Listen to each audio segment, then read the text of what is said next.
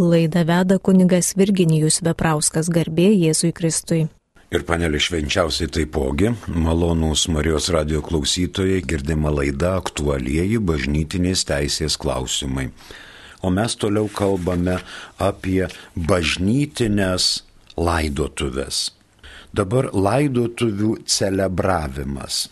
Laidotuvės turi būti atliekamos ne taip, kaip dvasininkas pageidauja, nori ar įsivaizduoja, bet jis turi vykdyti bažnyčios nurodymus ir laidotuvės vesti pagal liturginių patvirtintų nuostatų reikalavimus.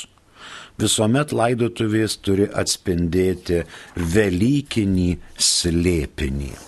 Yra trys laidotuvių būdai. Apeigos namuose, apeigos bažnyčioje ir apeigos kapinėse. Tai mums įprastas dalykas.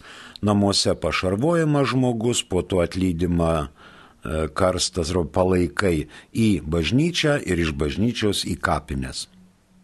Antras būdas - kapinių koplyčioje apeigos ir prie kapo duobės.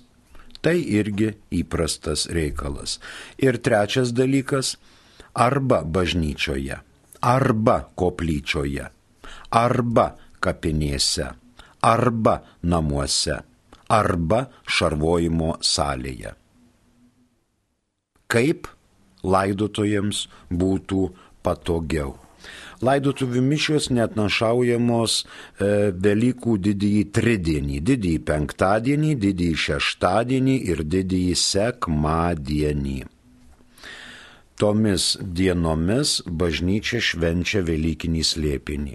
Todėl šventosios mišios nukeliamos į povelykinį laikotarpį. E, bet kurią dieną metų bėgyje laidotuvių mišios taip pat negali būti vykdomos, kada arnotas yra tamsus ir būtent skaitiniai skirti laidotuvėms.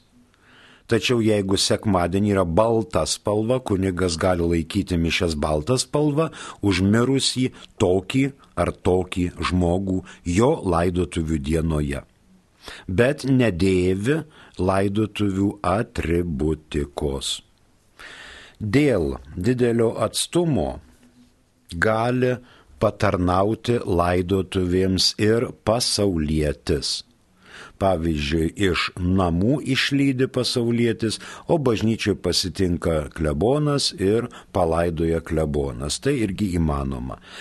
Tai tik tai dėl to, jeigu yra kažkokia svarbi priežastis. Nes laidoti parapietį yra viena iš klebono pareigų.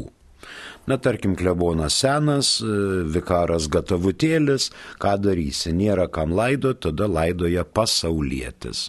Būna, žinoma, ir tokių atvejų.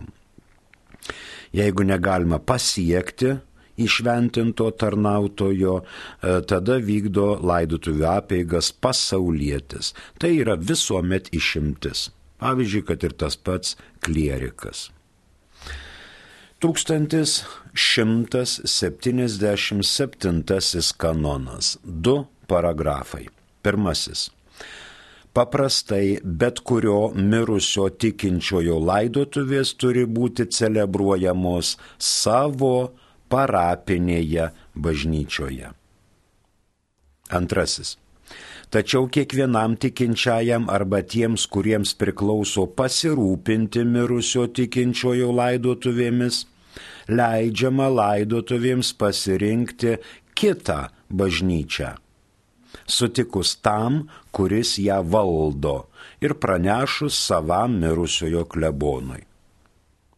Trečiasis Jei mirtis ištiko ne savoje parapijoje ir palaikai į ją nebuvo pergabenti ir laidotuvėms teisėtai nebuvo pasirinkta kita bažnyčia, laidotuvės turi būti celebruojamos bažnyčioje parapijos, kurioje ištiko mirtis. Nebent pagal partikuliarinę teisę būtų nurodyta kita bažnyčia. Keletas minčių prie šio kanono. Pirmoji mintis. Parapijos ryšiai su mirusiuoju yra tamprūs. Tai visų pirma bendruomenė, tikėjimo bendrumas, liturgija, kurio dalyvaudavo mirusysis, meilė tarpusavio ir taip toliau. Ten ir krikštijos, ir tuokėsi šeimos, ir, ir išgyveno jubiliejus, ir vardynas, ir gimtadienius, ir jubiliejukus ir taip toliau. Tai yra meilės ryšys to asmens su sava parapija. Mums į pagalbą ateina 107 kanonas, trečiasis paragrafas. Galime perskaityti visus tris. Pirmas. Kiekvienam tiek dėl buveinės, tiek dėl laikinosios buveinės tenka savas klebonas ir ordinaras. Žodžiu, kur bebūtų žmogus, jisai yra pavaldus klebonui ir ordinarui. Antrasis. Klajūno savas klebonas ir ordinaras yra vietos, kurioje šis tuo metu būna klebonas ar ordinaras. Ir trečiasis mums rūpimas - asmens turinčio tik vyskupinę buveinę ar laikinąją buveinę, savas klebonas yra klebonas tos vietos, kur jis tuo metu būna. Numirė santarų ligoninėje. Tai vad, ten turbūt Švento kryžiaus arba Jeruzalės klebonas yra tas klebonas, kur jis tuo metu buvo reiškia santarų klinikos, Kauno klinikose, Kauno antroji ligoniniai, Klaipidos jūrininkų ir taip toliau. Kitas 515 pirmas paragrafas. Parapija yra konkreti dalinėje bažnyčioje pastoviai įsteigta Kristaus tikinčiųjų bendruomenė, kurios pastoracija vadovaujant diecezniam vyskupui, patikėta klebonui kaip jos savam ganytojui. Reiškia, klebonas yra savos parapijos ganytojas. Bet kiekvienas gali pasirinkti dar gyvendamas savo laidotuvėms bažnyčią ir kapines. Ta žinoma gali ir artimieji tačiau visuomet gerbtina velionio valia. Jeigu jis tą pareiškė testamentu, arba jeigu tą mirties akivaizdoje pareiškė liudininko arba dviejų liudininkų akivaizdoje. Jis pageidauja taip ir taip. Tada pildome jo, taip vadinamą, paskutinėje valią. Antroji mintis. 1917 m. kanonų kodeksas buvo e, toksai susmulkmenintas. Normino 1216-1227 kanonai. Dabar tai net nerišama su jūra stolė. Galima rinktis ir ne savo parapijos kapinės, gavus, žinoma, leidimą atitinkamą nuo kapinių administratoriaus. Ir nebūtinai netgi toje bažnyčioje, kurios parapijoje jisai priklauso. Mums ateina į pagalbą 1180 kanonas. Jei parapija turi savo kapines, mirę tikintieji turi būti laidojami jose nebent teisėtai kitas kapines būtų pasirinkęs pats mirusysis arba tie, kuriems priklauso pasirūpinti mirusiojo laidojimu. Antrasis paragrafas, jei tik pagal teisę nedraudžiama, kiekvienas gali pasirinkti kapines savo laidotuvėms.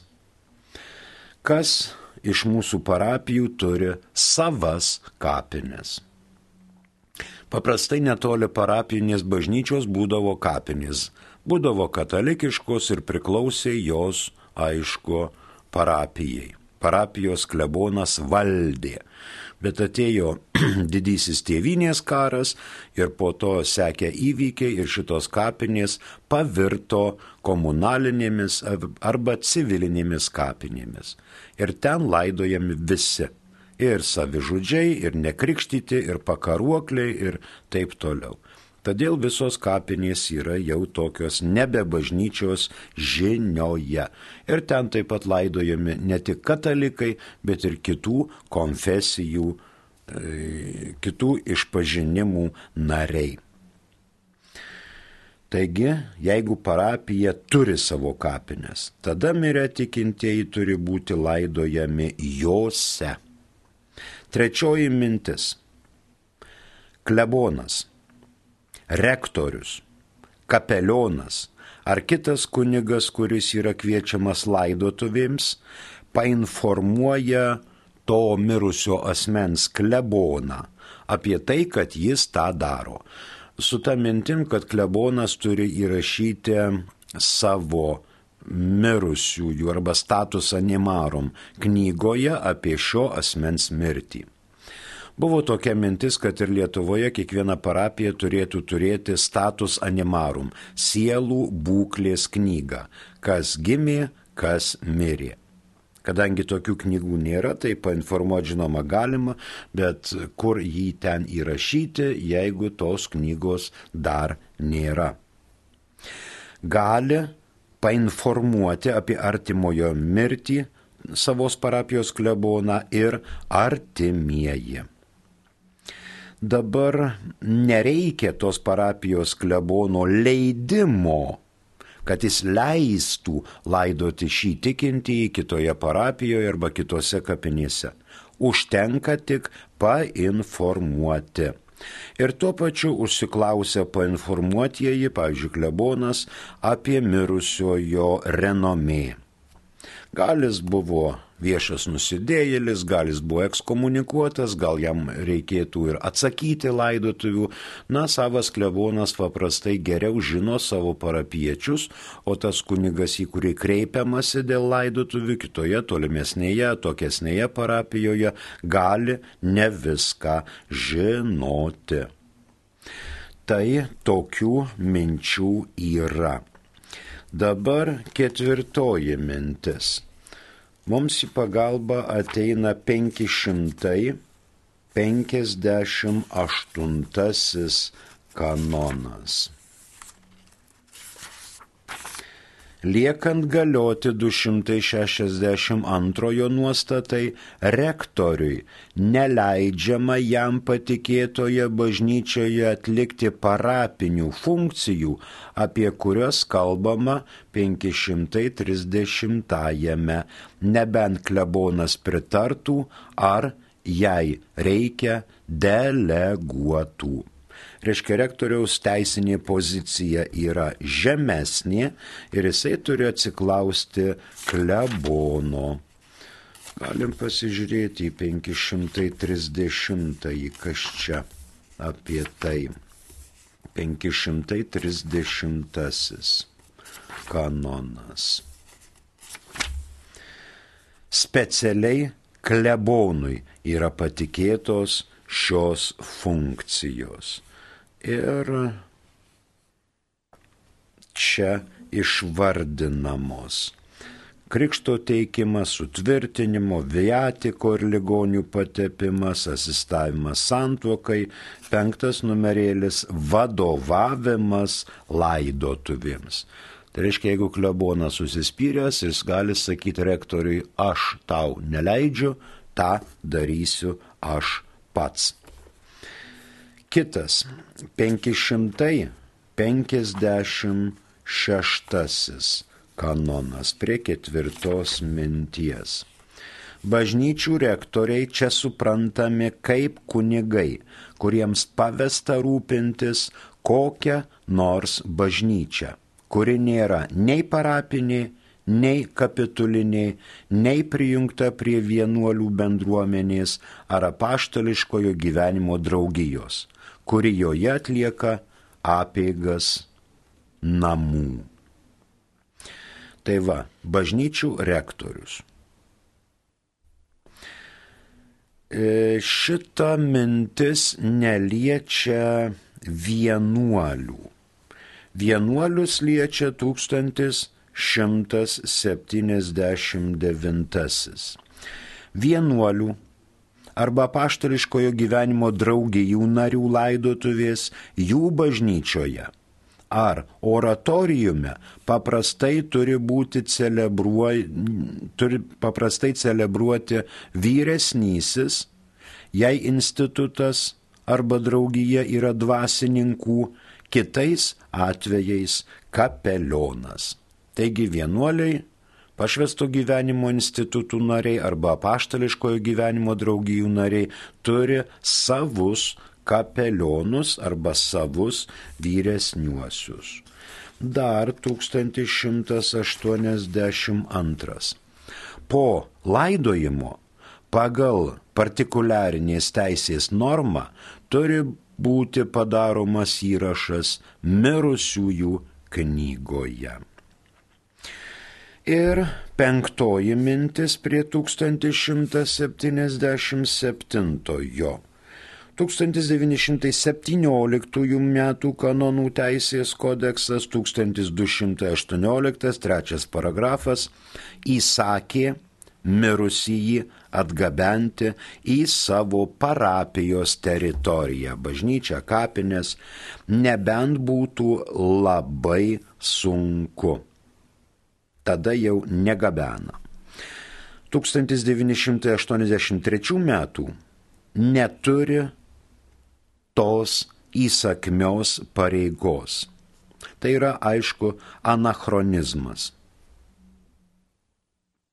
Ir klebonas gali drąsiai laidoti kitoje parapijoje. Nors 1230-17 įsakė, kad turi asmo būti laidojamas savoje parapijoje, kitoje parapijoje gali būti laidojamas, bet savojo klebono. Šita nuostata galioja iki 1983 metų. Įsivaizduokim, e, okupacijos metais partizanai žūdavo. Juos išstato išniekintus, išrenktus turgaus aikštėje, kad visi matytų. Ir dabar ateina artimieji pas kleboną ir sako, mūsų Jonas arba mūsų Stasys, va čia reiškia lyg ir netikėtom aplinkybėm žuvo, mirė, buvo nušautas, susprogdintas ar nunuodytas. Tai jeigu žioplas klebonas, tai sakys dabar jį paimkit ir atvežkit į šitą parapiją, tada aš laidosiu.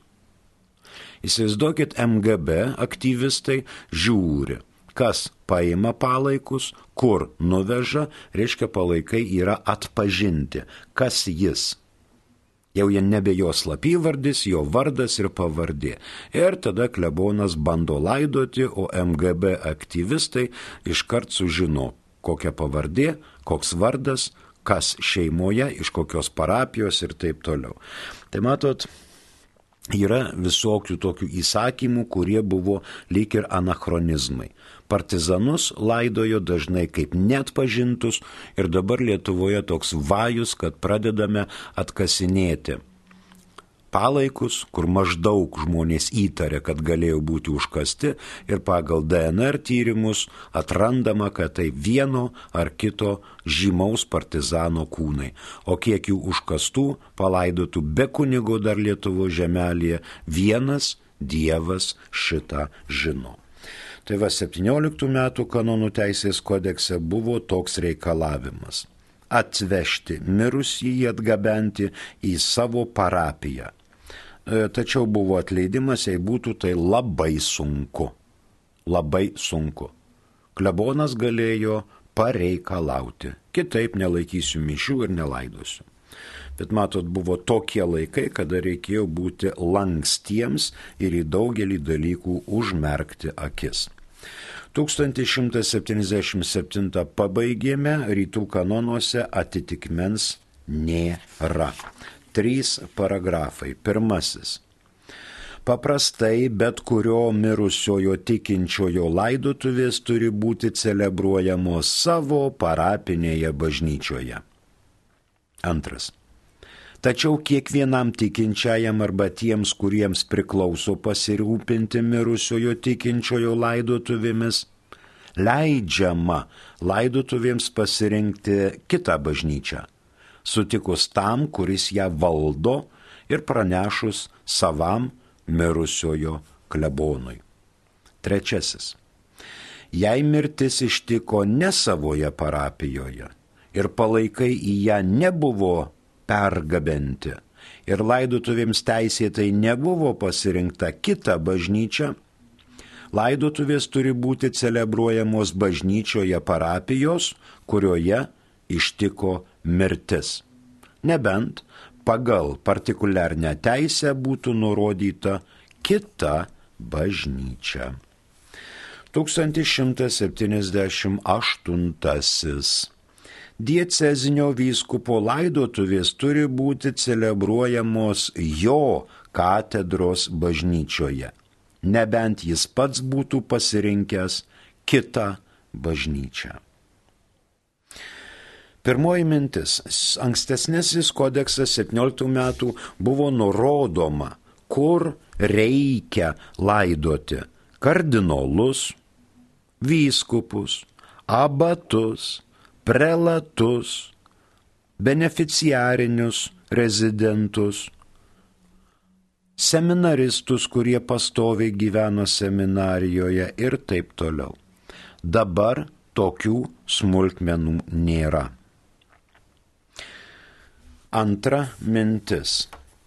Mums į pagalbą 1242 bažnyčiose neturi būti laidojami palaikai, nebent kalbama apie Romos popiežių arba kardinolus ar dieceznis vyskupus, taip pat emeritus laidotinus savose bažnyčiose. Tai iš to ir seka logiškumas, kad tiek valdančius vyskupus, tiek emeritus reikia laidoti savoje katedroje. Tai tampriai surišta su šios mens tarnystė, nes katedra yra visų dalinės bažnyčios bažnytėlių motina. Tačiau vyskupas gali rinktis savo palaidojimo vietą, bet jei jis to nepadarė, nesielgiama kitaip ir laidojama katedroje. Na, mes paminam turbūt, kad šviesios atminties jo ekscelencija vyskupas Romualdas Krikščiūnas buvo Panevežio vyskupijos apaštalinis administratorius. Tinkama buvo, kad jisai būtų palaidotas Panevežio katedroje. Tačiau jis palaidotas yra Kauno prisikėlimo mažojoje bažnyčioje. Čia iš galo lankome, melžiamės, e, galėjo jis pageidauti, kad būtų laidojamas būtent čia. Todėl jo valia yra pagerbta. Bet jeigu jis neišreiškė jokios savo valios, jis turėjo būti palaidotas, žinoma, Panevežio katedroje. E, dabar šviesios atminties jo ekscelencija vienuolis Marijonas Juozas Žemaitis mirė rytoj jo laidotuvės. Jis laidodamas turbūt bus Marijampolės bazilikoje, nes tai Marijonų centras, o jis buvo vienuolis Marijonas, jis bus ten laidojamas. Gali būti, kad jisai bus laidojamas, pavyzdžiui, Vilkaviškio katedroje, nes jis buvo Vilkaviškio vyskupas. Čia laidojantieji pasirenka laidotuvių vietą. Ir trečia mintis - mirusio vyskupo palaikai yra išstatomi maldai ir pagarbos atidavimai tikintiesiems. Labai prie palaikų dera valandų liturgija, prie karsto laidotuvių abbeigoms paprastai vadovauja mm, tos metropolijos metropolitas, arba pats vyskupų konferencijos pirmininkas. dalyvaujant kitiems vyskupams, kunigams, diekonams, vienuoliams ir gausiai tikinčiųjų bendruomeniai. Na ir ketvirtoji mintis su vietos vyskupu, su dieceziniu vyskupu yra sulyginami kinti kiti dvasininkai turintys savo katedras. Mums į pagalbą ateina 381 kanonas. 381 dieceziniam vyskupui jam patikėtoje vyskupijoje priklauso visa ordinarinė sava ir betarpiška gale reikalinga vykdyti jo pastoracinės pareigas, išskyrus atvejus pagal teisę ar popiežiaus dekretu rezervuotus aukščiausiai ar kitai bažnytiniai valdžiai. Dabar antrasis mums rūpimas vadovaujantieji kitoms tikinčiųjų bendruomenėms, minimoms 368 teisėje prilyginami dieceziniam vyskupui, nebent pagal dalyko prigimti ar teisės potvarkį būtų aišku, kad yra kitaip. 3, 6, 8. Dalinės bažnyčios kuriuose yra ir iš kurių susideda viena ir vienintelį katalikų bažnyčia visų pirma yra vyskupijoms, kurioms, jei nėra nustatyti kitaip, prilyginamos teritorinė prelatūra ir teritorinė abatija, apaštalinis vikariatas ir apaštalinė prefektūra ir pastoviai įsteigta paštalinė administratūra. Tai va šitie visi administratoriai, prelatai, abatai prilyginami vietos vyskupų ir laidojami savo katedroje. Rytų kanonuose atitikmens nėra, 1178 fiksuojame. Diecezinio vyskupo laidotuvės turi būti celebruojamos jo katedros bažnyčioje, nebent jis pats būtų pasirinkęs kitą bažnyčią. Primenu, kad girdite laidą aktualiai bažnytinės teisės klausimai. Kitas kanonas 1179. Vienuolių arba paštariškojo gyvenimo draugijų narių laidotuvės jų bažnyčioje ar oratoriume paprastai turi celebruoti vyresnysis. Jei institutas arba draugija yra dvasininkų. Kitais atvejais kapelionas. Prie 1179 yra keletas minčių. Pirmasis mums rūpimas 607 kanonas. Vienuolinis gyvenimas kaip viso asmens pašventimas bažnyčioje išreiškia nuostabę Dievo įsteigtą santuoką, būsimųjų amžių ženklą. Taip vienuolis atbaigia visišką savęs dovanojimą, kaip Dievui atnašaujama auka, kuria visa jo būtis tampa nepertraukiama Dievo šlovinimu meilėje. Vienuolinis institutas yra draugija, kurioje nariai pagal savoją teisę duoda viešuosius, amžinuosius arba laikinuosius atsinaujintinus praėjus laikui įžadus ir gyvena brolišką gyvenimą bendruomenėje.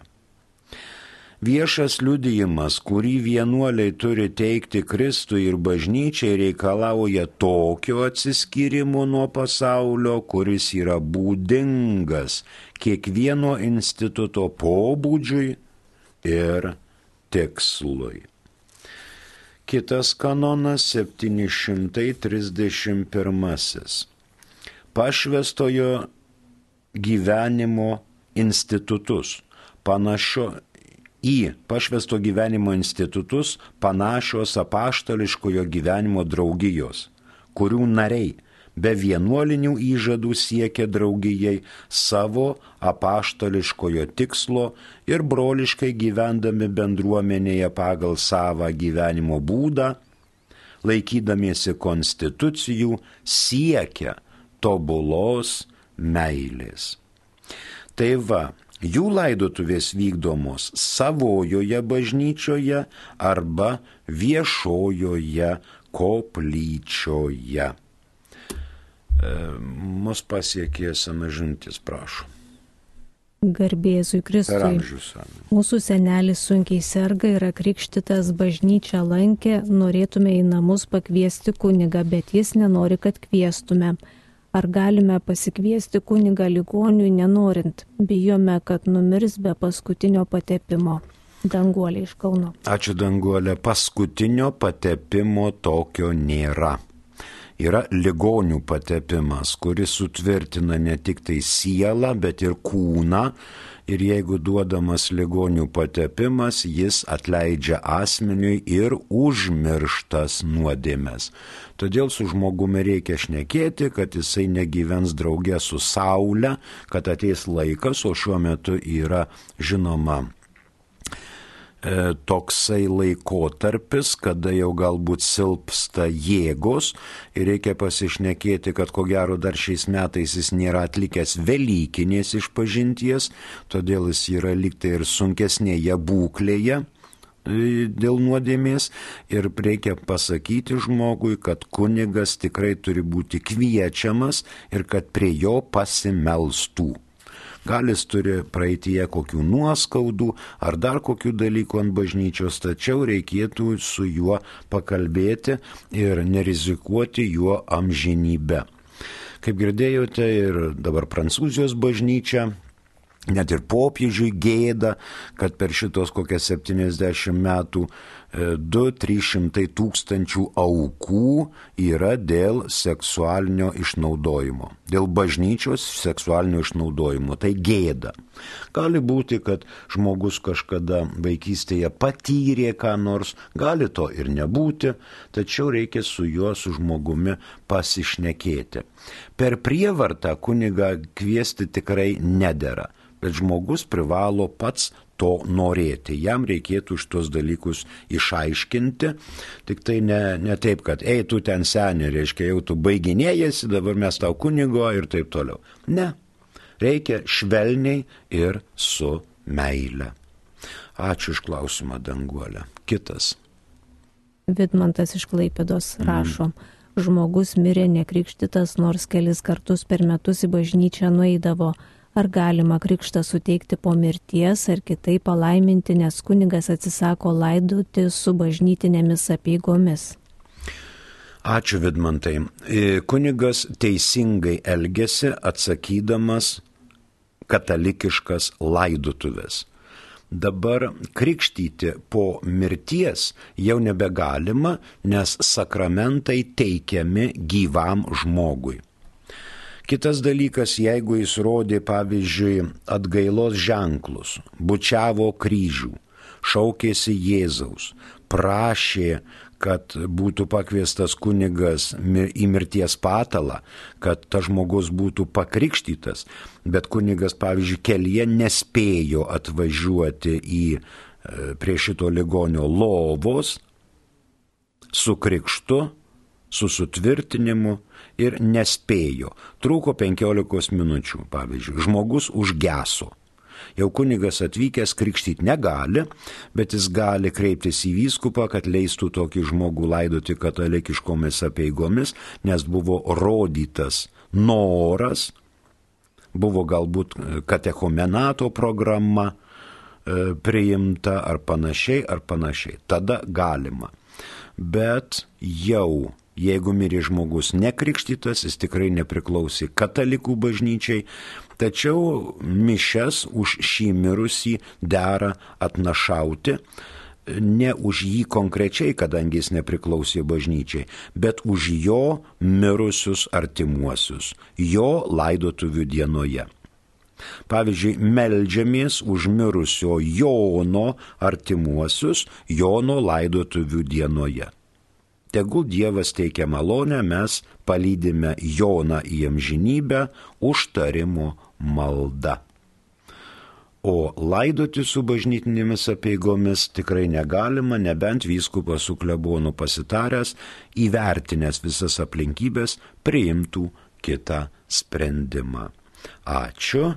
Kitas klausimas. Ar šventoji dvasia veikia tik katalikus ar ir agnostikus? Drįščiau pastebėti, kad šetono apsėdimai, dievų veikimai būna tikintiesiems tik tapus agnostikų, tos anapusinės metafizinės būtybės nebetenka galios.